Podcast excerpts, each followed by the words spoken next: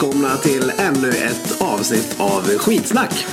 Ja, det, jag, jag känner mig lite övervakad här nu. när Ja, man det Helt plötsligt har en kamera i facet. Eh, Ni som lyssnar på den här podden är nu på bu- bussen eller tunnelbanan eller på väg till jobbet i bilen kanske, hur ni gör. Eh, Ni kanske inte märkte det här men vi sände alltså lite Facebook live även när detta spelades in. För vi tänkte att det är väldigt eh, eh, tv-mässigt att spela in ett hamburgertest. Av någon anledning tyckte vi att det var en bra idé. Ja, men det, hamburgertest är ju ändå ett eh, ja, rörligt medium. Ja, det får man ju säga. Och vi har ju gjort det här i två år utan att eh, filma det. Så nu är det väl hög tid. Nu får alla, alla Facebook-följare chansen också att följa med på, eh, på hamburgertestet. eh, Och så, ni som lyssnar på det här kan ju såklart också i efterhand gå in på vår Facebook-sida Skidsnack och eh, se på själva hamburgertestet hur det ser ut. Det, det, här, det här som vi gör i, i poddversion. Vilket är i och för sig en knepig idé egentligen, men varför inte? Ja, Folk testar väl saker i poddar hela tiden. ja, och ni får ju om inte annat eh, se hur det ser ut när vi poddar också här i Ja, vi kan väl köket. säga att vi är hemma hos Stefan, en gammal eh, bekant inspelningsstudio får vi väl ändå säga. Eh, Så att det är väl bara egentligen, eh, jag, tyckte att vi skulle kalla det här för veckans beef. Och att veckans beef inte är en sån beef utan en, en hamburgare den här gången. Ja, men vi ska ju då börja med något som inte alls är en beef. Nej. Det är ju då en... Det är Stina Nilssons... Ja, vad heter den här jävla burgaren? Veggie... Veggie burger, någonting sånt. Ja, den har ett bättre namn. Ja. Men, eh, ja. Vi har glömt bort det. Vi har glömt bort. Men för, för våra poddlyssnare kan vi väl avslöja att den ser inte jättemycket ut för världen den här veggieburgaren.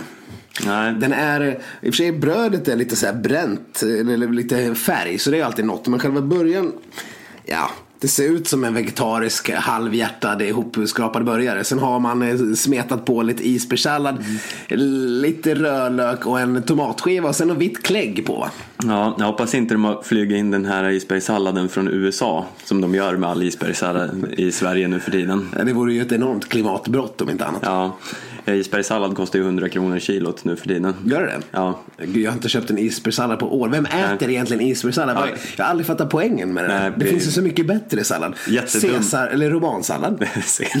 Jättegott. Eh, vad heter det? Caesar- Caesarsallad. Caesar är inte riktigt en salladssort. Nej, men jag önskar att det vore det. Ja. Tänk om man kunde ha en sallad som bara var Caesarsmaken. Ja.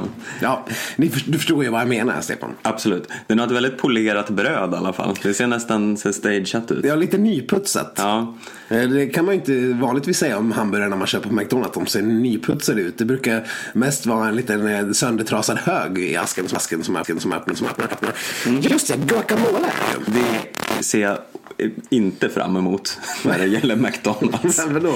Ja, Du men vi- älskar ju McDonalds över allt annat. Jo, fast vi minns ju Stinas Caesar-dressing som hade ett pH-värde Ja, ja vi, utom vi, dess eh, kontroll. vi skulle ju även få pH-värdet testat. Fick vi det? Ja, det fick vi. Ja.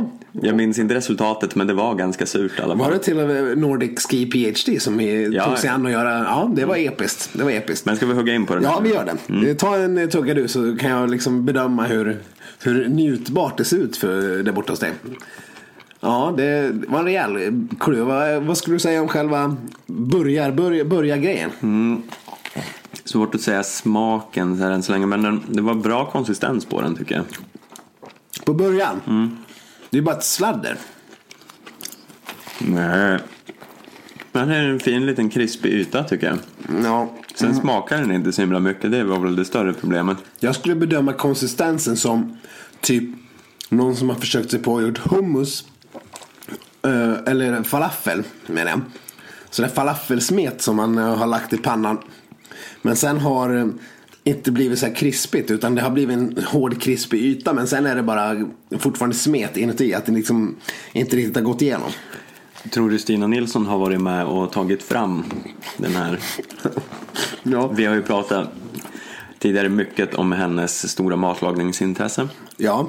Och Stina hånat Nilsson. hennes eh, mm, matlagningsinsatser. framtida karriären som kokboksförfattare har vi varit inne på. Eh, och sagt att don't quit your day job lite grann. Eh, men eh, jag tror inte hon har varit med så jättemycket i den här. Även om man kanske skulle tro det av eh, den icke befintliga smaken i början.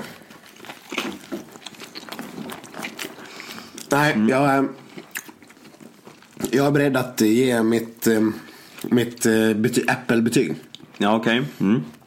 Jag skulle ge eh, Christi, Stina Nilssons då eh, guacamole, veggie, tjosan hejsan, eh, två äpplen. Två äpplen. Mm. Två äpplen. Eh, Guacamolen känner jag inte alls smaken på. Man ser liksom, ni ser på. Det är liksom någon grön brun sörja och den är inte särskilt eh, omfångsrik. Och eh, någon avokado känner jag överhuvudtaget inte smaken av.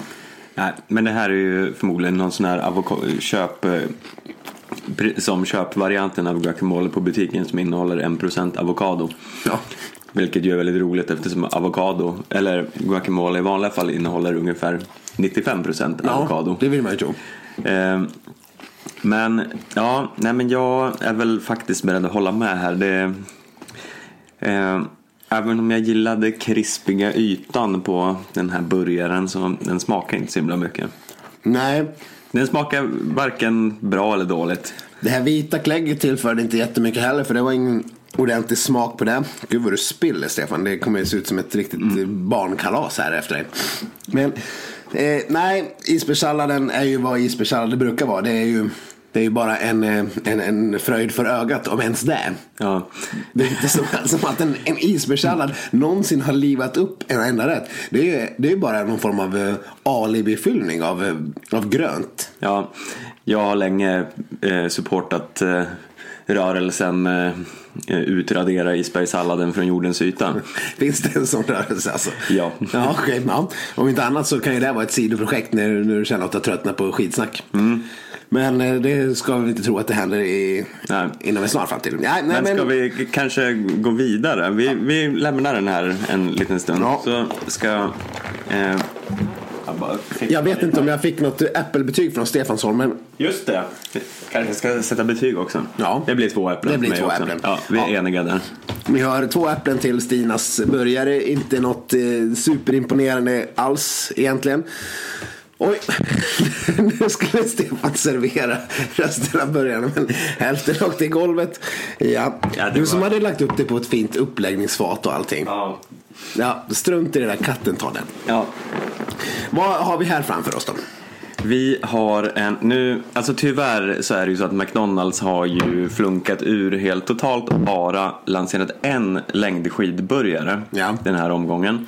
Och det var ju Stinas då. Ja, så nu sitter vi ju här med Trots fyra burgare så var bara en längdskidsinriktad. tre burgare. Nej, det var ju två stycken sådana här maestros. Ja, men jag tror de ena tillhör samma. Ja. Men då, vi har ju i alla fall fått gå in på sånt här eh, alpinbös som vi brukar kalla det. Ja. Och då har vi en Maestro, my, maestro eh, Tasty Bacon. Ja, precis. Alla André Myhrer. Ja. Och så har vi en Chicken Guacamole någonting från eh, Frida Hansdotter. Yes. Eh, som eh, båda är och eh, åker alpint VM just nu faktiskt. De eh, knep väl ett brons i parallell eller lagslalom eller någon annan någon sån här hittepågren. Ja, motsvarigheten till längdskidcross. Ungefär. Ja, om vi ska börja med en okulär besiktning. Nu havererade du maestron där. Ja, men jag, jag får väl offra mig och ta den förstörda halvan. Ja, det får du ju verkligen göra. Jag har skurit upp dem lite fint som man ja. gör med eh, McDonalds Ja. väldigt ofta. Precis. Alla äter väl McDonalds-burgare med kniv och gaffel. Lite Ja. alla George Costanza. Ja, Eh, Man kan ju en liten okulär benämning, bedömning först säga att den här har samma bröd som Stinas burgare. ja, det här glansiga polerade brödet. Det är lite så här lurigt bröd för man tror att man ska få en semla när man ser brödet. man ö, munnen vattnas, nu är det semla på gång. Men nej, då ligger det Ja, om Stinas såg blek ut vad gäller själva början så får man väl säga att det här slår väl någon form av rekord i osmakligt utseende på hamburgare. För att det här är det grådaskigaste ursäkten till kött som jag har eh, någonsin lagt ögonen på. Äh, nu tycker jag att Ja, du... men du, din kanske såg lite mer aptitlig ut men här, du ser ju här, det är ju bara något sladder av grå. Visa upp för eh, tittarna. Ja, jag tittar, kom ihåg. Ja, Lyssnarna. Men, lyssnarna och tittarna. Jo, Ja, men är Vi alltså, kan inte visa för lyssnarna. Nej, det kan vi inte göra. Vi, vi skulle kunna lägga upp en bild i efterhand, men jag kommer förmodligen äta upp den här ändå, trots dess eh, mycket tveksamma utseende. Ja, jag tycker det ser ut som hamburgare brukar kunna se ut rätt ofta. Ja, jo. Det är också lite ost, det är någon baconskiva. Det är någon emmentaler smält ost vill jag minnas från beskrivningen. Ja. Den här burgaren äter man när man har tyngden på dalskidan. Läste jag enligt någon sån eh, beskrivning av burgare. Ja. ja, men då så. Då är det väl bara att hugga in. Vi tar ett bett av Maestro.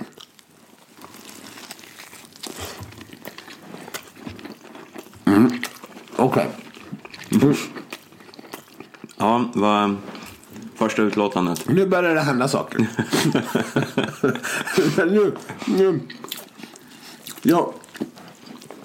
Det är känt sedan länge att jag inte är någon stor McDonalds-vurmare. Mm, Det är känt sedan länge att jag är en stor Det är ju McDonalds-vurmare. Så vi balanserar upp varandra väldigt väl här. Det är ju sedan gammalt en tredje klassens hamburgerkedja. Eh, slagen av, ja, Sibylla, Max, Burger King, eh, Solnakorv. Den eh, sunkiga gamla kiosken på eh, resecentrum hemma i Sunne där ni kommer ifrån. Och de som har lagt ner tre gånger och fått nya ägare bara senaste året. Ja, slagen av ingen kan dröja med. Och det finns... Men, men min poäng är att McDonalds har lyckats med en sak. Det är Big Tasty. McDonalds, eh, ja, absolut allra bästa burgare. Som eh, överhuvudtaget eh, någon där förmodligen fått sparken för att ha kommit på något gott där på McDonalds. Burgarnas Rolls Royce lite grann. Ja, precis. Eh, Börjarnas Kalle Halvarsson. Om man ska dra en skidliknelse. Varför nu han skulle vara en Rolls Royce vet jag inte. Men eh, hur som helst, den är ju väldigt tasty-aktig i sin smak. Det är själva tasty-dressingen. Ja. Och det är den man vill åt. Ungefär som att äta eh, eh, hamburgarnas motsvarighet till Gudfader själv. En eh, Frisco. Eh, ja, men så här är det i alla fall. Det är ju en Big Tasty. Fast Mm. Jaha. den, har- de har delat upp köttet i två mindre, alla Big Mac. Och eh, lagt, eh, ja, det är väl typ enda skillnaden. Ja, Lite annorlunda bröd, det här blankpolerade brödet. Det är därför den är god helt enkelt. Ja men det här gjorde du bra Maestro Myhrer. Mm.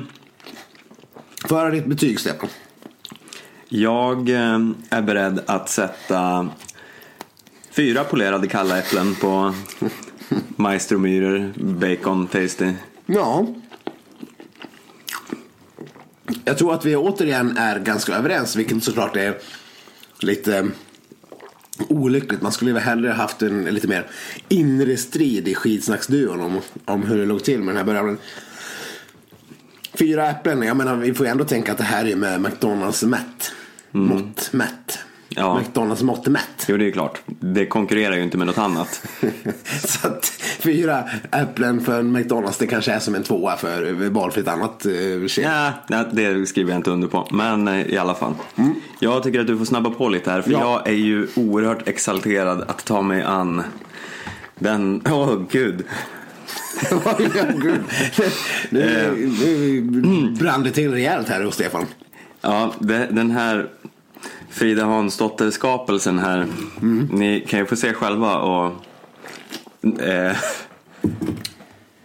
Ja. ja, jag vet inte. ja, men vadå? Det, är, det ser ut att vara en kyckling. eh, En liten panerad kyckling och så den här gråbruna guacamolen här under. Ja, de har kört stenhårt på den här gråbruna guckan. Eh, får- undrar om de kallar det guacamole. Får de säga det ens? För det här är ju uppenbarligen inte guacamole. Nej, men det står så i marknadsföringen. Ja. Och även här har man tagit det gamla isbergssalladstricket då. Eh, smeta på något grönt så att det åtminstone ska se aptitligt ut. Eh, eh, och lite tomat. Det verkar vara ett genomgående tema i de här början. Att man smetar på lite isbergssallad, lite tomat och den här, den här vita kolioksåsen. Ja, i den här är det faktiskt en lime aioli. eller lime-majonnäs eller något. Ja. Jag smakar lite på den nu och den smakar faktiskt lime. Gjorde den det? Ja. Jaha, men har du tagit ett helhetsbett? Nej, det inte, jag är lite rädd. Men jag, okej, vi kör nu. Ja, brödet har vi inte ens pratat om. Det ser ut som att de har tagit någon jävla baguette och skurit upp. Smakar det så också?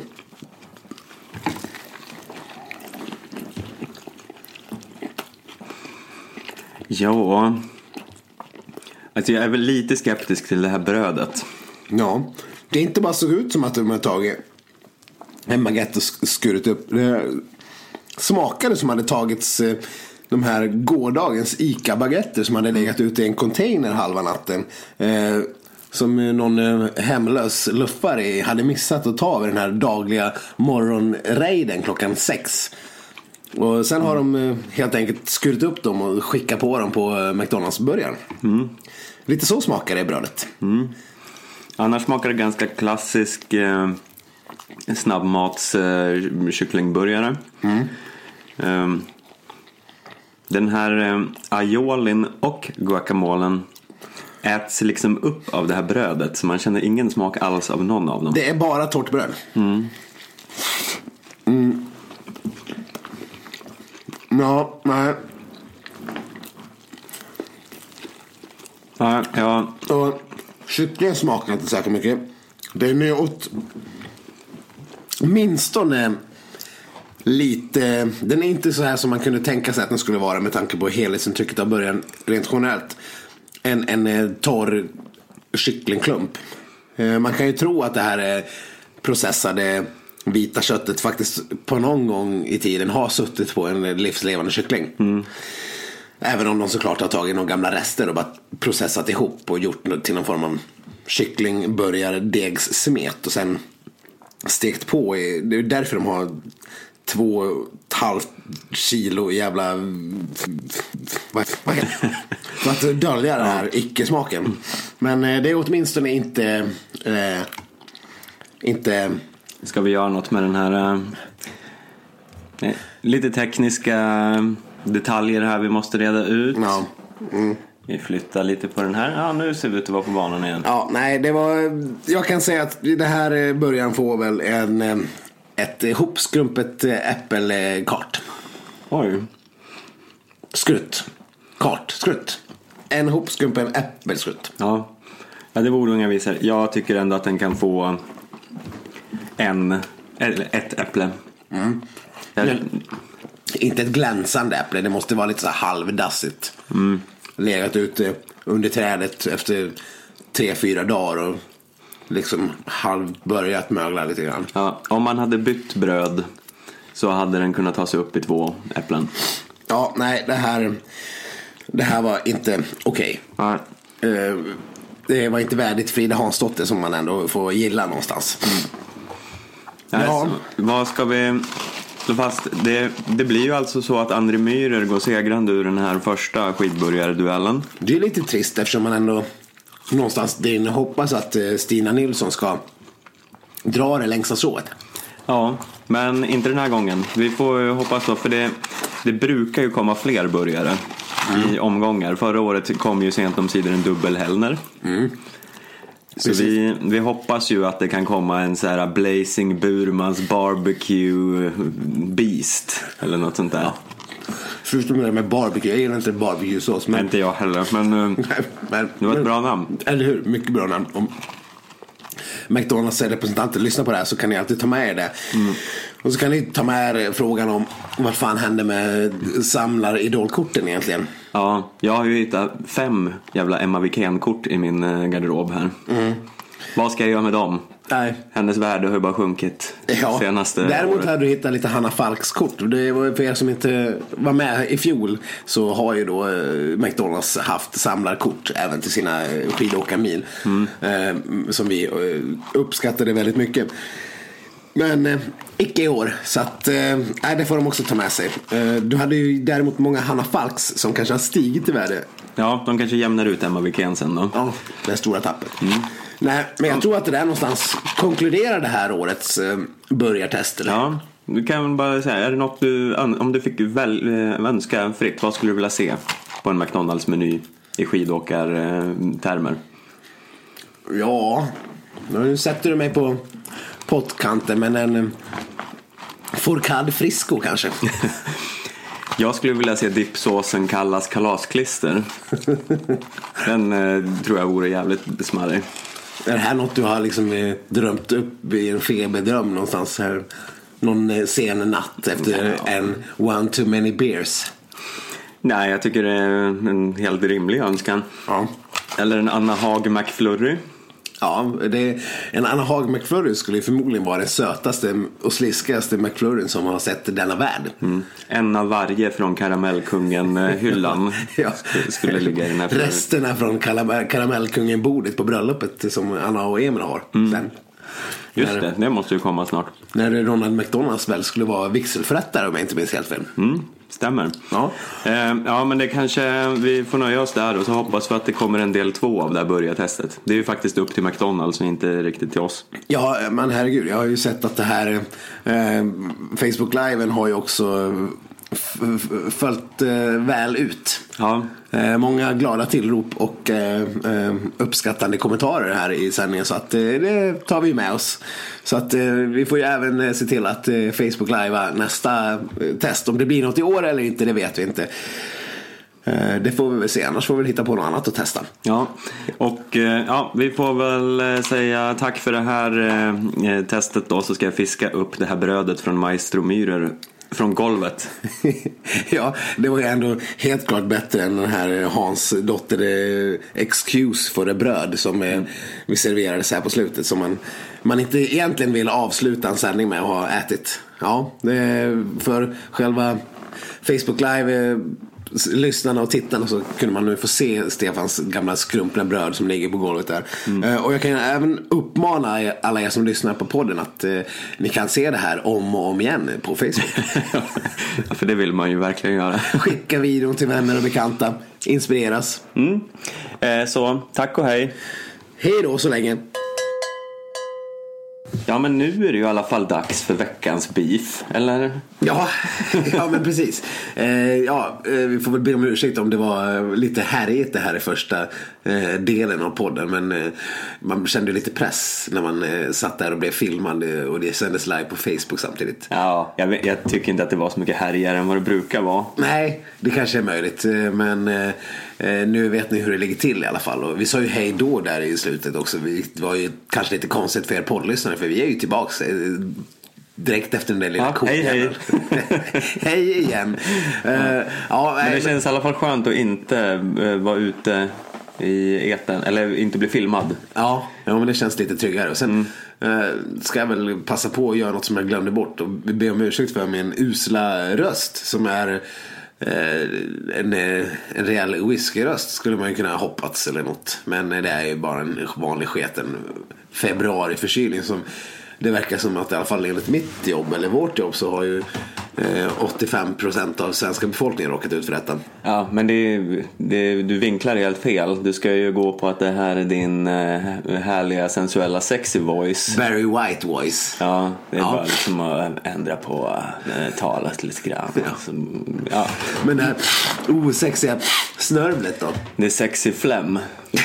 ja, precis. ja, nej. Ja. nej, vi ska inte tråka ut eh, er lyssnare med min sjukdomshistorik. Men eh, nu är det som det är. Va? Och, men ändå är man stå, står man här på barrikaderna först för att spela in podd. I vått och torrt. Ja, ja, men det är strångt. Och nu mätta på uh, veggie guacamole Stina Nilsson Ja. så ska vi hoppa rätt in i skidskyttevärlden. Ja men det ska vi. För det är ju något som vi kanske har failed to mention i tidigare poddar. Att det är ett skidskytte-VM. Ja, det pågår för fullt. För fullt. Det här, det, jag tror att det var dagen efter förra inspelningsdagen så var det väl eh, premiär för skid-VM. Eh, Det lyckades vi inte heller nämna ens. Det var, Ja. det var lite klent men eh, Det är bättre att nämna det nu när det är igång och vi faktiskt har något att säga. Eh, och eh, det har ju varit ett eh, händelserikt skidskytte-VM, i alla fall utanför arenan. ja, det får man väl ändå säga. Det har ju varit, vi pratade ju om, om det, ja, det här veckans beef och den kommer vi väl rakt in i nu här då. Ja, det är så att eh, skidskyttekungen giganten, den största av dem alla, Martin Fourcade, har ju startat ett krig med hela Ryssland. Ja. Eh, det är ju eh, lite av det som vi har varit inne på tidigare här i podden. Eh, den beryktade McLaren-rapporten som är inne och spökar lite grann. Ja, eh, Forcad har ju eh, gått igång hårt på eh, den och på alla rykten som eh, omsusar de ryska åkarna och kräver att de ska stängas av i väntan på utredning. Som det har varit i många andra eh, sporter, i längdåkningen bland annat. Ja, och sen eh, friidrotten. Eh, ryska friidrottare har väl totalt stängts av från att tävla. Mm. Men i skidskyttet har det väl fått eh, fortgå ganska eh, som vanligt. Precis. Eh, det har ju inte Martin Fourcade varit så stort fan av och därför hamnat i, i bråk med typ Anton Chipolin och andra skidskyttebjässar från den ryska sidan. Ja, om man ska dra lite bakgrunden så för, det börjar ju med eh, det uppropet som han eh, startade för ganska länge sedan men då han har fått eh, massa elitskidskyttar att skriva på en protestlista mot Ryssland i princip. Det kan man ju förstå att eh, det kan bli lite hard feelings. Ja, det väl kanske inte jättebekvämt att mötas där i mixzone. Tjenare Chipolin, hur är läget? Ponera nu, vilket vi ändå måste göra, att Anton Chipolin är clean as a snow. Ja. så då, då, kan man ändå, då hade man ju själv känt sig lite kränkt av en sån påhopp liksom som ändå innebär att någon annan person som råkar vara världens absolut bästa skidskytt startar en jävla protestlista där, han vill att du inte ska få tävla ens. Ja, jo, men det är klart. Då skulle man ju bli lite putt. Ja, precis. Ja. Mm. Men, och då, ja, roligt i sammanhanget är ju då att han har, han har fått rätt många att skriva på den här. Men inte så många norrmän. Det är endast Björndalen som har vågat skriva på den här. Ah, ja, men han, han har ju ändå gjort sitt här. Han behöver ju inte riktigt... Eh, det känns ju som att han, vad som än händer med norsk längdskidåkning eller skidåkning eller dopingshistorik så bekommer ju inte det Björndalen riktigt eftersom han är 97 år gammal och, och liksom var som bäst för 20 år sedan. Mm. Eh, även om han eh, fan klev in och tog en medalj igen. Ja, det kan ju helt plötsligt komma fram att han är någon slags bionic man eller något. ja, ja, ja visst. Han, han är egentligen en, eh, vad heter det, en android. Ja. Det är, det är en jävla human tissue over robotics. Mm. Eh, det är i alla fall 50-50 chans att det är så. Ja. Men eh, jag tror det var Emil Häggle Svensson som hade förklarat varför han inte hade skrivit under det här med en icke-förklaring. Ja. Som var att jag håller med om budskapet men låt idrott vara idrott. Eller något sånt där diplomatiskt som idrottare ofta säger när det kommer in politik i bilden. Ja, men jag, kan, jag kan på något vis ändå tycker att det är kul att Martin Fourcade tar bladet från munnen och visar sitt missnöje med sakernas tillstånd. Å andra sidan kan jag tycka att det har väl för fan inte han med att göra. De måste väl ändå låta liksom, sakerna ha sin gång på något vis. Det måste väl ändå vara eh, rättvisan som ska få fälla avgörandet om folk ska få tävla och inte upprörda eh, motståndare. Ja, jo helt klart. Det är ju inte hans roll i hela att vara utredare i den här soppan men det är ju jag tycker det är härligt att någon vågar ta ställning för det händer ju inte så ofta. Nej, nej det kan man ju bara se på eh, om vi drar en svensk referens kallas eh, mjäkiga ord om eh, Johaug och eh, hon går ut och tycker att hur, så, hur jobbigt det måste ha varit för henne och sånt där. Och där kan ju jag känna väldigt lite sympatier. Eh, så att det är ju i alla fall en frisk fläkt eh, där man, eh, någon går ut och är stenhård. Mm. Men det var ju egentligen inte det här som var själva beefen utan det var ju någon mer, eh, en incident som faktiskt hände under eh, första loppet. Stafetten var det. Mixstafetten? Eh, ja. Då Fourcade fäller Loginov Oj. så att han ramlar. Ja. Eh, det här var ju då enligt Fourcade såklart inte med flit. Nej. Och eh, enligt Loginov var det med flit. Okej, okay, så åsikterna går isär? Man kan säga att Ryssland tycker att Ryssland blev fällda. Frankrike tycker inte att Frankrike fällde Ryssland. Nej, och jag får väl hålla med juryn i det här fallet. För jag tyckte inte det såg riktigt ut att vara med flit. Även om kanske Fourcade Ja, det var, såg ju också ut lite som han sket i vilket då förstås. Det får man Men det, var, det är väldigt svårt att tro att eh, Fourcade bara klev in och nu jävlar ska jag fälla Ryssland.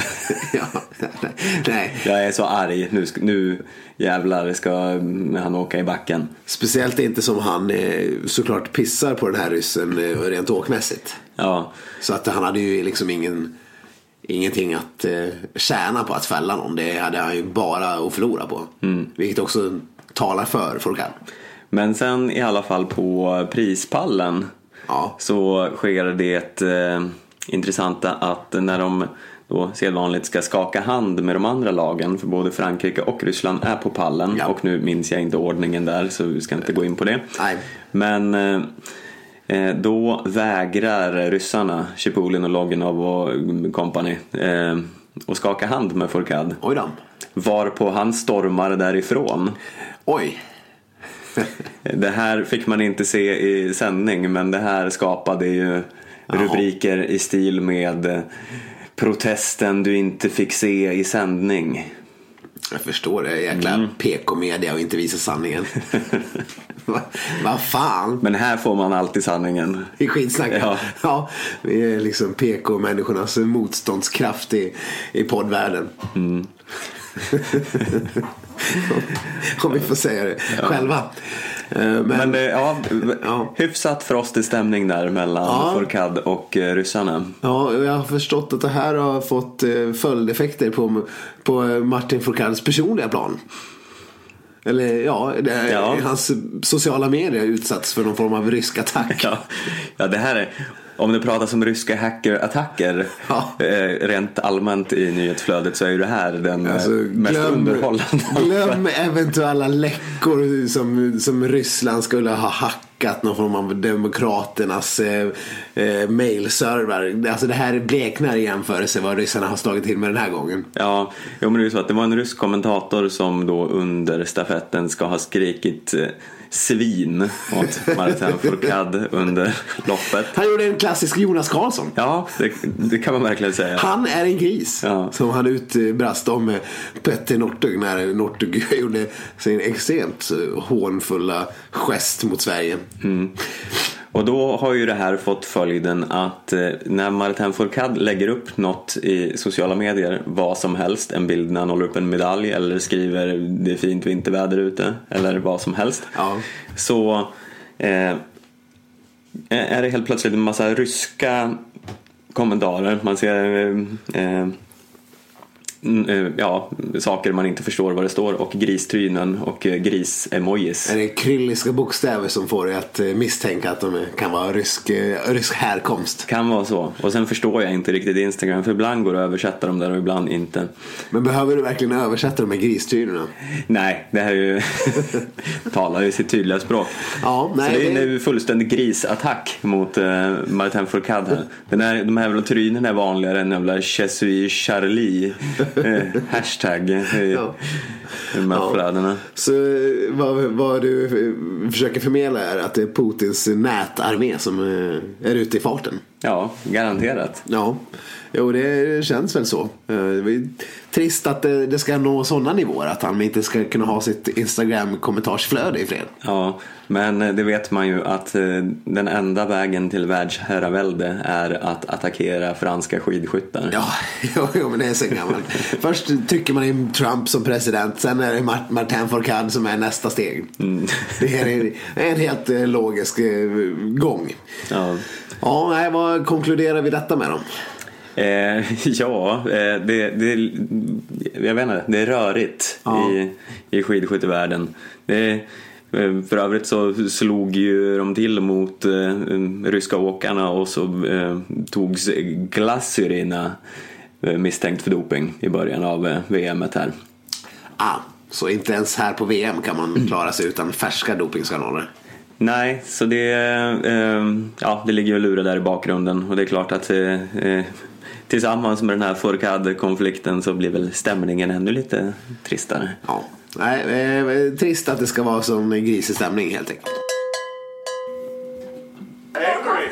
I'm angry. I say to them this was bad. We cannot say them, uh, this was unluck or something. It was bad. It's easy. Not the Swedish style, but I say it. I have to say sometimes. Hard. That I understand. Ja, det var ord och inga visor det här Stefan. Ja, det var alltså Wolfgang Pichler ni hörde här som kommenterade de svenska damernas insats. Ja, och han är ändå damernas förbundskapten. Så att, eh, han... This was bad. I'm angry, I'm angry. Han lät i och för sig inte så angry. Det lät som att han spelade att han var angry. Men jag tror att han var angry. Han ser i och för sig arg ut. Han ser ut som en sån här arg skåning från Eslöv som har fått eh, någon som har parkerat på hans husvagnstomt på parkeringen på Böda camping. Och fått in liksom en halv liten eh, husvagnshjul där på fel sida gränsen. Så arg ser han ut. Ja, de skulle kunna ha castat Wolfgang Pichler som eh, en man som heter Ove Ove. Ja. Ja, ja, herregud. Det har ju varit så många olika ovar här så att eh, om det blir någon ny uppsättning så kanske Wolfgang kan eller om det blir en tysk version helt enkelt. Ja, eller en sån här tysk-svensk samproduktion som de gör ibland. När Ja. de får dubba tyskarna, typ i Beck. Ja, ja, nu är gör off en, topic en här. nyinspelning av Vi hade i alla fall tur över vädret så kan ju han, eh, han spela huvudrollen där. Där- Absolut. Jag, kan, eh, jag, jag skulle gärna se Wolfgang i den här, eh, den här biltvättsscenen där. När han trycks upp mot... Ja, den är, ja, för om ni inte har sett den så råder jag er att eh, googla. Vi hade i alla fall tur med vädret biltvätt. Eh, hur som helst, varför är Wolfgang så arg? Därför att det har ju inte riktigt sagt sloof om, eh, om våra damåkare. Nej, och allra minst idag då när den här eh, podden spelas in. Den dagen när Mona Brorsson, eh, den gamla, den gamla gamängen, kliver in och är bäst. På en Tarada 44 plats. Ja, det är gamla goda takter här i Ja, nu, är ju, nu vill man ju dra sig till minnes ett eh, gammalt eh, klassiskt citat som jag var inne på i skiten. Det som vi har nämnt varenda vecka här. Ola Brännholms eh, Ja, det- one-liner. Det finns ingen som har som bredd som det svenska damlandslaget. Nej, och det, man får ge han viss rätt. De var väl ganska, de var väl ganska jämndåliga. Ja, 44, 55, 59 och 67. Så bredden i botten är ju oöverträffad. Kul. Det finns inget landslag som har så här många åkare samlat så långt bak. Nej, det kan ju omöjligt finnas. Så att, eh, ja, vi får ge Ola Brännholm rätt igen. ja. Eh, nej, det var ju såklart en eh, obeskrivlig flopp. Vi hade ju med svenska ögon sett var den största chansen redan första dagen. Det var mixstafett. Och då gick det väl okej. De blev sexa tror jag. Ja, är det okej ändå? Ja, men ja, vadå? Man kan ju lätt räkna upp tio länder som ska vara före. Så att, Ja. eh, då får man väl ändå tycka att det är speciellt med tanke på vilket... Visst, vi har två talangfulla tjejer, men sen har vi ju en Fredrik Lindström som ja, inte visat något. Okej, han har varit på pallen i ett eh, världscuplopp i år faktiskt. Men annars så. Och sen hade vi Jesper Nelin då, som var den som absolut måste hålla upp om det ska kunna bli något. Men han höll ju inte ihop då. Nej. Och då blir det som bäst en sjätte plats. Och, och det blev det ju. Sen, eh, sen individuellt så, ja, jag vet inte. Nej. Va, Vi, vi behöver inte ens gå in på det. Nej, man kan väl nämna några andra eh, intressanta eh, grejer från de här dagarna. Jag eh, tycker väl att det, det här eh, loppet när Benedikt Doll klev in och vann en sekundstrid mot eh, eh, Johannes Tingnes Bö var väldigt eh, spännande. Ja, det tyckte man ju ändå var lite roligt. Det är alltid lite roligt att se Norge få stryk. Ja, Förstås. Och sen eh, var det ju också imponerande att Fourcade lyckades ta en tredje plats trots värdelöst skytte. Vilket inte ska vara möjligt i en sprint och ta en medalj trots två bom. Nej, det var ju helt sjukt. Han hade ju vunnit med hur mycket som helst om han hade satt dem där. För att de andra i toppen hade ju nollor liksom. Eh, Men han är ju Folkad också. Och, och sen fick han väl ta eh, lite mer medaljer så att han har väl ändå gjort ett bra VM får man väl säga. Sen, sen var det lite otäcka scener också. när eh, eh, Svensson var det väl som Ja, låg och var totalt utdäckad i typ 15 minuter och inte kunde resa sig upp och man såg Björndalen var där med någon filt och grejer och man trodde inte riktigt att han var alls med i matchen och det visade sig att han hade ju drabbats av något, eh, jag kommer inte ihåg vad det var eh, men det var inte allt, stod inte helt rätt till med honom om det var någon hjärtmaksflimmer alla Kalle eller vad det nu var, det minns jag inte riktigt men han hade drabbats av något så att han inte fungerade riktigt normalt och sen Ja, han stod ju över jaktstarten dag, dagen efter också. Eh, Så det var ju lite otäckt förstås. Eh, annars så har vi ju nämnt det tidigare men att Björndalen tar en en medalj är ju helt sjukt imponerande. Man liksom fattar inte riktigt. Nej, och det var en fin familjedag där för eh, de Recheva som har eh, kämpat med att hitta formen efter eh, comebacken efter barnfödandet av den här lilla eh, Senja krigarprinsessan som Ja. vi pratade om. Eh, hon har ju inte gått så bra hittills den här säsongen men nu klev hon in och tog en silvermedalj. Ja. Hämtade upp från en så här 30 plats. Precis, och Kukalova har ju... Det är alltid kul att se de här som är bra, att de även vinner VM. Det känns liksom rättvist på något Ja. vis. Hon eh, vann ju också eh, inledningsdistansen tror jag att det var och har tagit någon mer medalj. Och, och, ja, det känns- Dahlmeier har ju klivit in och fått eh, Dahlmeier, alltså, hämta lite Jag vet inte, jag trodde ju att när vi såg, när jag satt och såg den här första tävlingen i Östersund, premiären. Och så gick Dahlmeier och vann. Och jag vet inte om jag har varit dåligt påläst tidigare men jag hade aldrig hört talas om henne. Jag har ju tyckt att vad är det här för ny spännande talang? Sen visade det att hon är ju typ bäst i världen. Ja, jo, hon är ju bäst i världen. Så att, eh, ja. Det, ja hon hade ju tydligen varit bra även förra säsongen. Ja, men det här är ju inte vårat fel, det här är ju skidskyttet som sports fel. Framförallt svenska usla insatser som gör att man tappar lite intressen. Så att, eh, men eh, vad fan. Det är ju eh, det är alltid fortfarande världens kanske bästa tv-sport. Ja, det, ja, verkligen.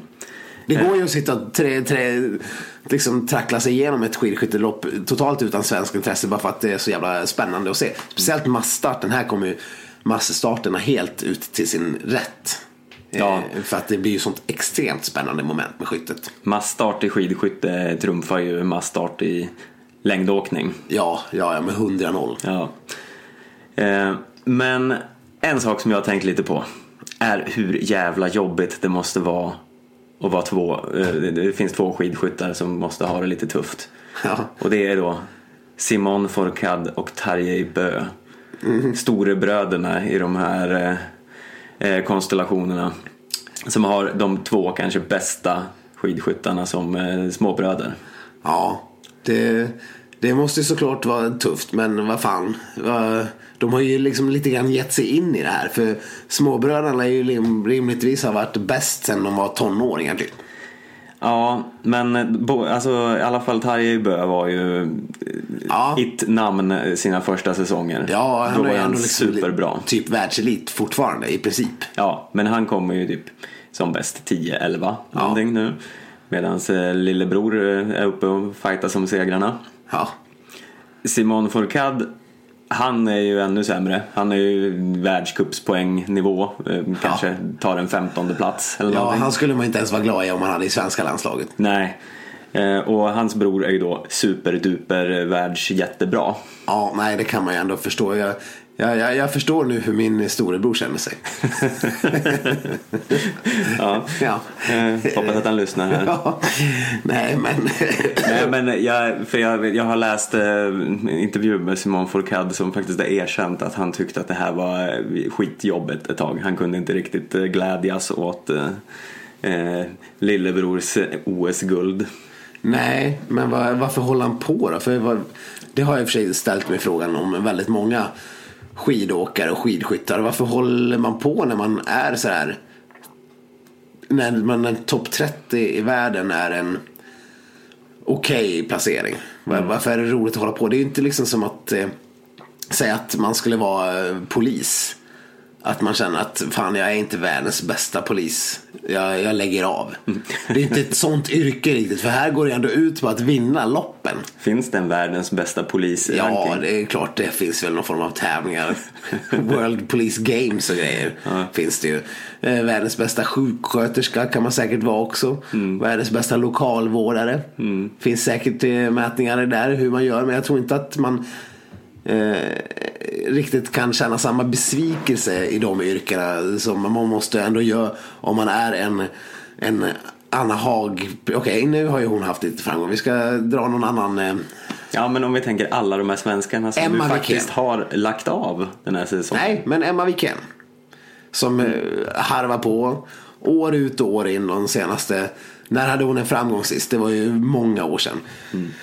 Men krigar och tränar och håller på sommar ut och vår ut och bergs jävla myr på bergsmyr. Bergsmyr, myr på myr och berg på berg. Tröskar hela jävla sommaren. Ja, och sen en ny säsong. Man måste ändå ha som mål att fan nu ska jag höja mig, nu ska jag bli bäst. Eller åtminstone vara topp 10 i världen. Någonstans där. Men det här är väl Och så blir man 42. Ja, men det här är väl den mänskliga hjärnan som, eh, som får en att jobba vidare. För man förtränger ju alltid hur allt känns. Jo. Och sen jobbar man vidare mot nästa säsong och tänker att nu blir det min säsong. Nu har jag tränat bättre än förra säsongen. Jag har tränat fem timmar mer om dagen än vad jag brukar göra. Jo men det är ändå ingen som tränar eh, som Sundby. Det är ju bara han som gör det. Ja, Nej, men jag tror att det är eh, hjärn, hjärnan som eh, intalar en att det någon gång kommer att lossna. Ja. Om man inte tycker bara att det är jävligt kul att åka runt till Oberhof och Davos och kryssa fram och tillbaka för lite sponspengar. ja men dessutom se sin lillebror vinna 70% av loppen hela tiden. Och du själv blir 35 Mm. Det måste ju vara extremt knäckande. Vad säger, vad säger de till varandra på hotellet på kvällen? Ja, nej, det måste vara oerhört intressant Eh, familjedynamik. där. Congratulations Martin! Och Martin, vad säger Martin då? Ja, du var också bra. Jag tänker inte försöka översätta det för det kan jag inte. Nej, men du får ju, du får ju prata lite franska. Simon. Du gjorde det också ganska bra. Det var, du var ju 33 förra veckan och nu var du 31. Det blir någon form av blandning av tyska och franska här. Nej. Det var riktigt nära världscup. Okej, det var Tyskland. Ja, det var faktiskt, ja, ja. Ja, det kom halka in på Werner och Werner där. Ja. Men unge, ungefär så. Är de inte fransk-tyskar de där? Eh, det tror jag inte. Nej, men nej. eh, jag ska inte svära på det. Nej. De har ju för övrigt en, eh, en till brorsa som inte alls är skidskytt. Är det sant? Han Han, heter typ Briss. Ja, men han kanske tog sitt eh, förnuft till fånga. Ja. Lite grann. Ja, nej, det kan inte vara lätt för någon av dem förstås. Det, men eh, jag tror jag hade åtminstone lagt av vid det här laget om jag hade hetat Simon Forcal. Ja, det, det borde väl eh, kännas rimligt. Ja, vi ska kort eh, prata lite grann om något som eh, hände alldeles nyligen också. Eh, Therese Johaug fick ju sin eh, dom Ja, av eh, norska dopingsvalget, svalget, vad heter det? Domsvalget. Gomseglet. ja, norska gomseglet har, har beslutat att stänga av Johaug i 13 månader. Ja. Eh, kommentar på det? Ja, patetiskt. Ja. Uppenbarligen. eh, pa- Jättepatetiskt och jättedåligt. Och, ja, vi har ju sett, eh, vi har ju pratat om det här förut. Vi har ju, det har gång på gång visats att eh, liknande bedömningar i andra jämförbara fall har man utdelat ett schablonstraff på runt 18 månader. Här har ju då norska domare kommit fram till en kompromiss där man tycker att 13 månader är en bra lösning. Nämen. Vilket skulle, höra häpna, ge Johaug nästan en hel säsong att förbereda sig inför OS. Eh, det, Coincidence? I think not.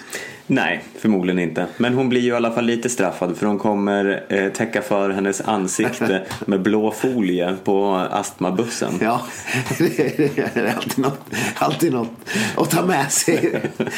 Ja, nej, vi ska väl eh, nämna det att hon också blir bestraffad av eh, storsponsorn Fischer som drar in eh, mångmiljonbelopp Ja, den enda sponsorn dock som eh, bryter med henne. Ja, eh, managern, vad heter han, Jörn Ernst Ja. var ju ändå rätt nöjd med utfallet att många stod vid hennes sida fortfarande. Och Johaug har beslutat att inte överklaga detta. No shit. De, efter noga övervägande så har vi kommit fram till att vi vill lägga det här bakom oss. Så, bä, bä, bä. Ja, mm, eller så är det för att ni är liksom själaglada över det här lysande succébeslutet som gick eh, 100% så bra som ni kunde hoppas att det skulle bli. Kan ju vara en förklaring också. Jag vet inte. Mm. Jag skulle vilja se så här att eh, eh, de eh, släpper, de, eh, Johaug får sättas på en buss någonstans och så sen lurar man in Kowalczyk i den här bussen.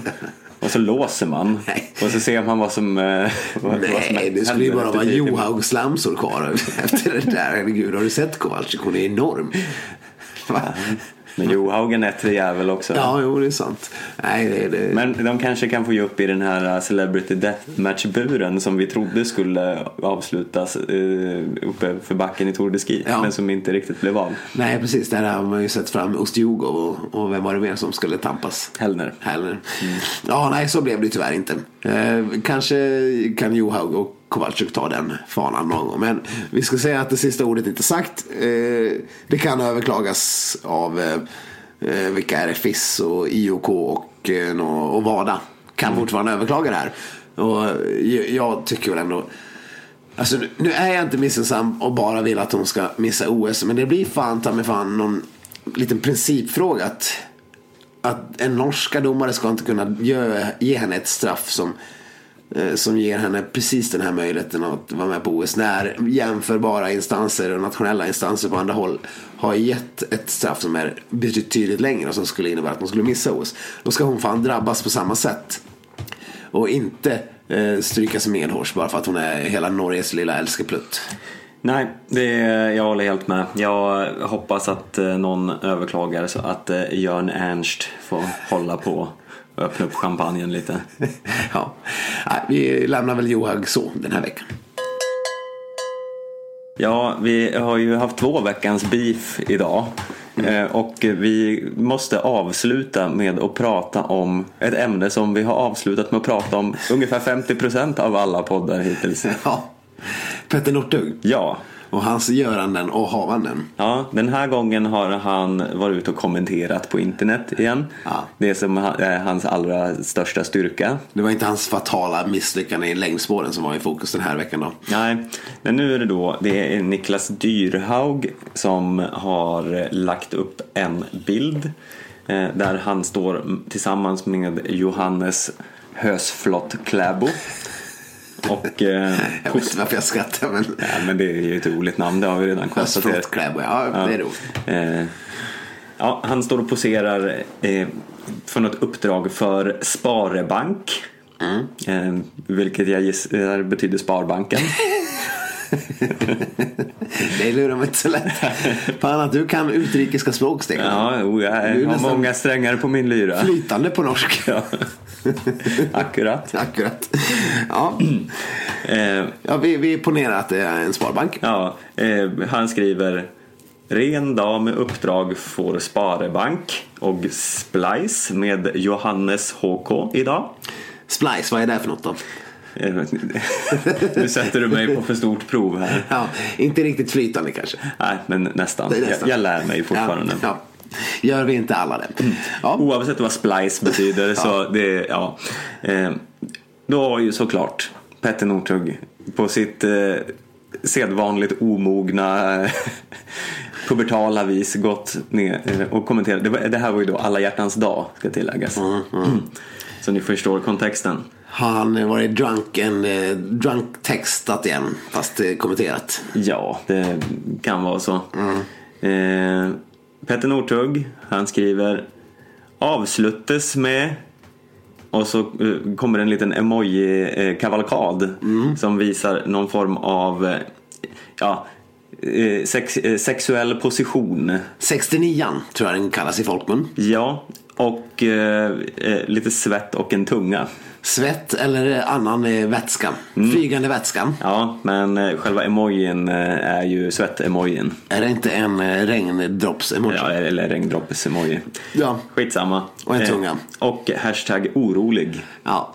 Eh, Om vi då ska på något vis skärskåda vad det är han vill säga är att eh, han är orolig för att deras sponsorträff, alltså eh, Niklas Dyrhag och Johannes Kläbo eh, sponsorträff ska avslutas med en 69 med någon form av kroppsutsöndring och tunga.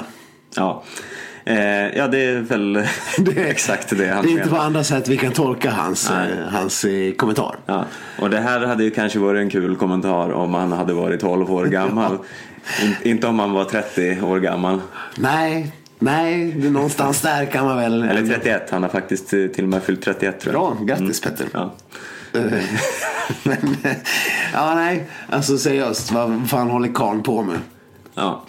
Eh, Ja, ja, vi ska väl inte duella det där så mycket mer. Men det var även eh, någon ytterligare kommentar också. ja, eh, den gamla kanadensiska skidåkaren Ivan Babikov. Som, Som har upplevt någon form av andra vår den här säsongen. Alla kanadensare verkar ju vara, eller kanske inte Babikov i första hand, men ja, Babikov har ju blivit tränare. Eller ja, men precis, men Mm. med laget. Ja. Eh, han skriver i alla fall. Niklas Dyrhaug, is that your Valentine? Oh, you guys so cute. Och skratt eh, kiknar eh, av gråtsmiley. Ja, det är ju... Tänk vilken syn att det där är, de skulle ha en Valentine ihop. Två killar. Ja. Va? Det verkar ju helt befängt. Ja. Hur många äpplen ger du den här eh, humorn som de, eh, Ja. den här stand-up comedy-numret som de håller på och bedriver i kommentarsfältet? här? Ja, ja, om nu jag gav eh, PHs eh, chicken sub Hansdotter. Hansdotters chicken, chicken sub tjosan ett ihopskrumpnat skrutt. Eh, så måste väl det här vara någon form av riktigt mögel infekterat gammalt skrott. I alla fall på ett sånt nivå att det inte ens ser ut som ett äppelskrutt längre utan bara som en liten gul eller grå, bru, svart hög av mögel. Ja, ungefär så. Jag eh, tänker väl att vi kan väl eh, lämna det där. Jag är mest bara förvånad att inte Emil Iversen har klivit in i debatten. Ja, var, är du Emil? Vi, det vi behöver dig. Ja, nej, nej det, var, det var väl ungefär sådär vi tänkte oss veckans skidsnack. Det har ju varit eh, minst sagt ett eh, händelserikt avsnitt. Och eh, när, nästa gång vi hörs så kan det ju rent av vad fan vara VM. Ja, Om inte vi hinner komma med någon liten uppladdningspodd inför VM. Vi får väl, vi ska inte lova någonting här för vi, vi ska inte vara sådana som lovar runt och håller tunt. Men eh, det kan ju mycket väl bli så för att eh, på onsdag den 22 februari, alltså om en vecka från inspelningsdatum här så drar ju då VM igång med lite sådana här eh, hittepå tävlingar för blåbären först och främst på onsdagen. Sen eh, på torsdag är det dags på riktigt härligt. med sprint. Så eh, där kommer vi få se Petter Northug i alla fall, bland annat. Det blir mycket spännande. Så kommer vi ha vårt största medaljhopp i Stina Nilsson. Det ser vi fram emot. Så länge så får ni fortsätta och eh, kommentera hur lite vi pratar om långlopp och liknande saker Ja. på Instagram och Facebook. Det ser vi mer än gärna fram emot att mö- bemöta de eh, oundvikliga kommentarerna. Så ska vi lova bot och bättring i, i framtiden. Ja, så ja, kontakta oss på skidsnacketgmail.com och eh, ja, gör som Maria Rydqvist. Lyssna på Skidsnack. Hej då!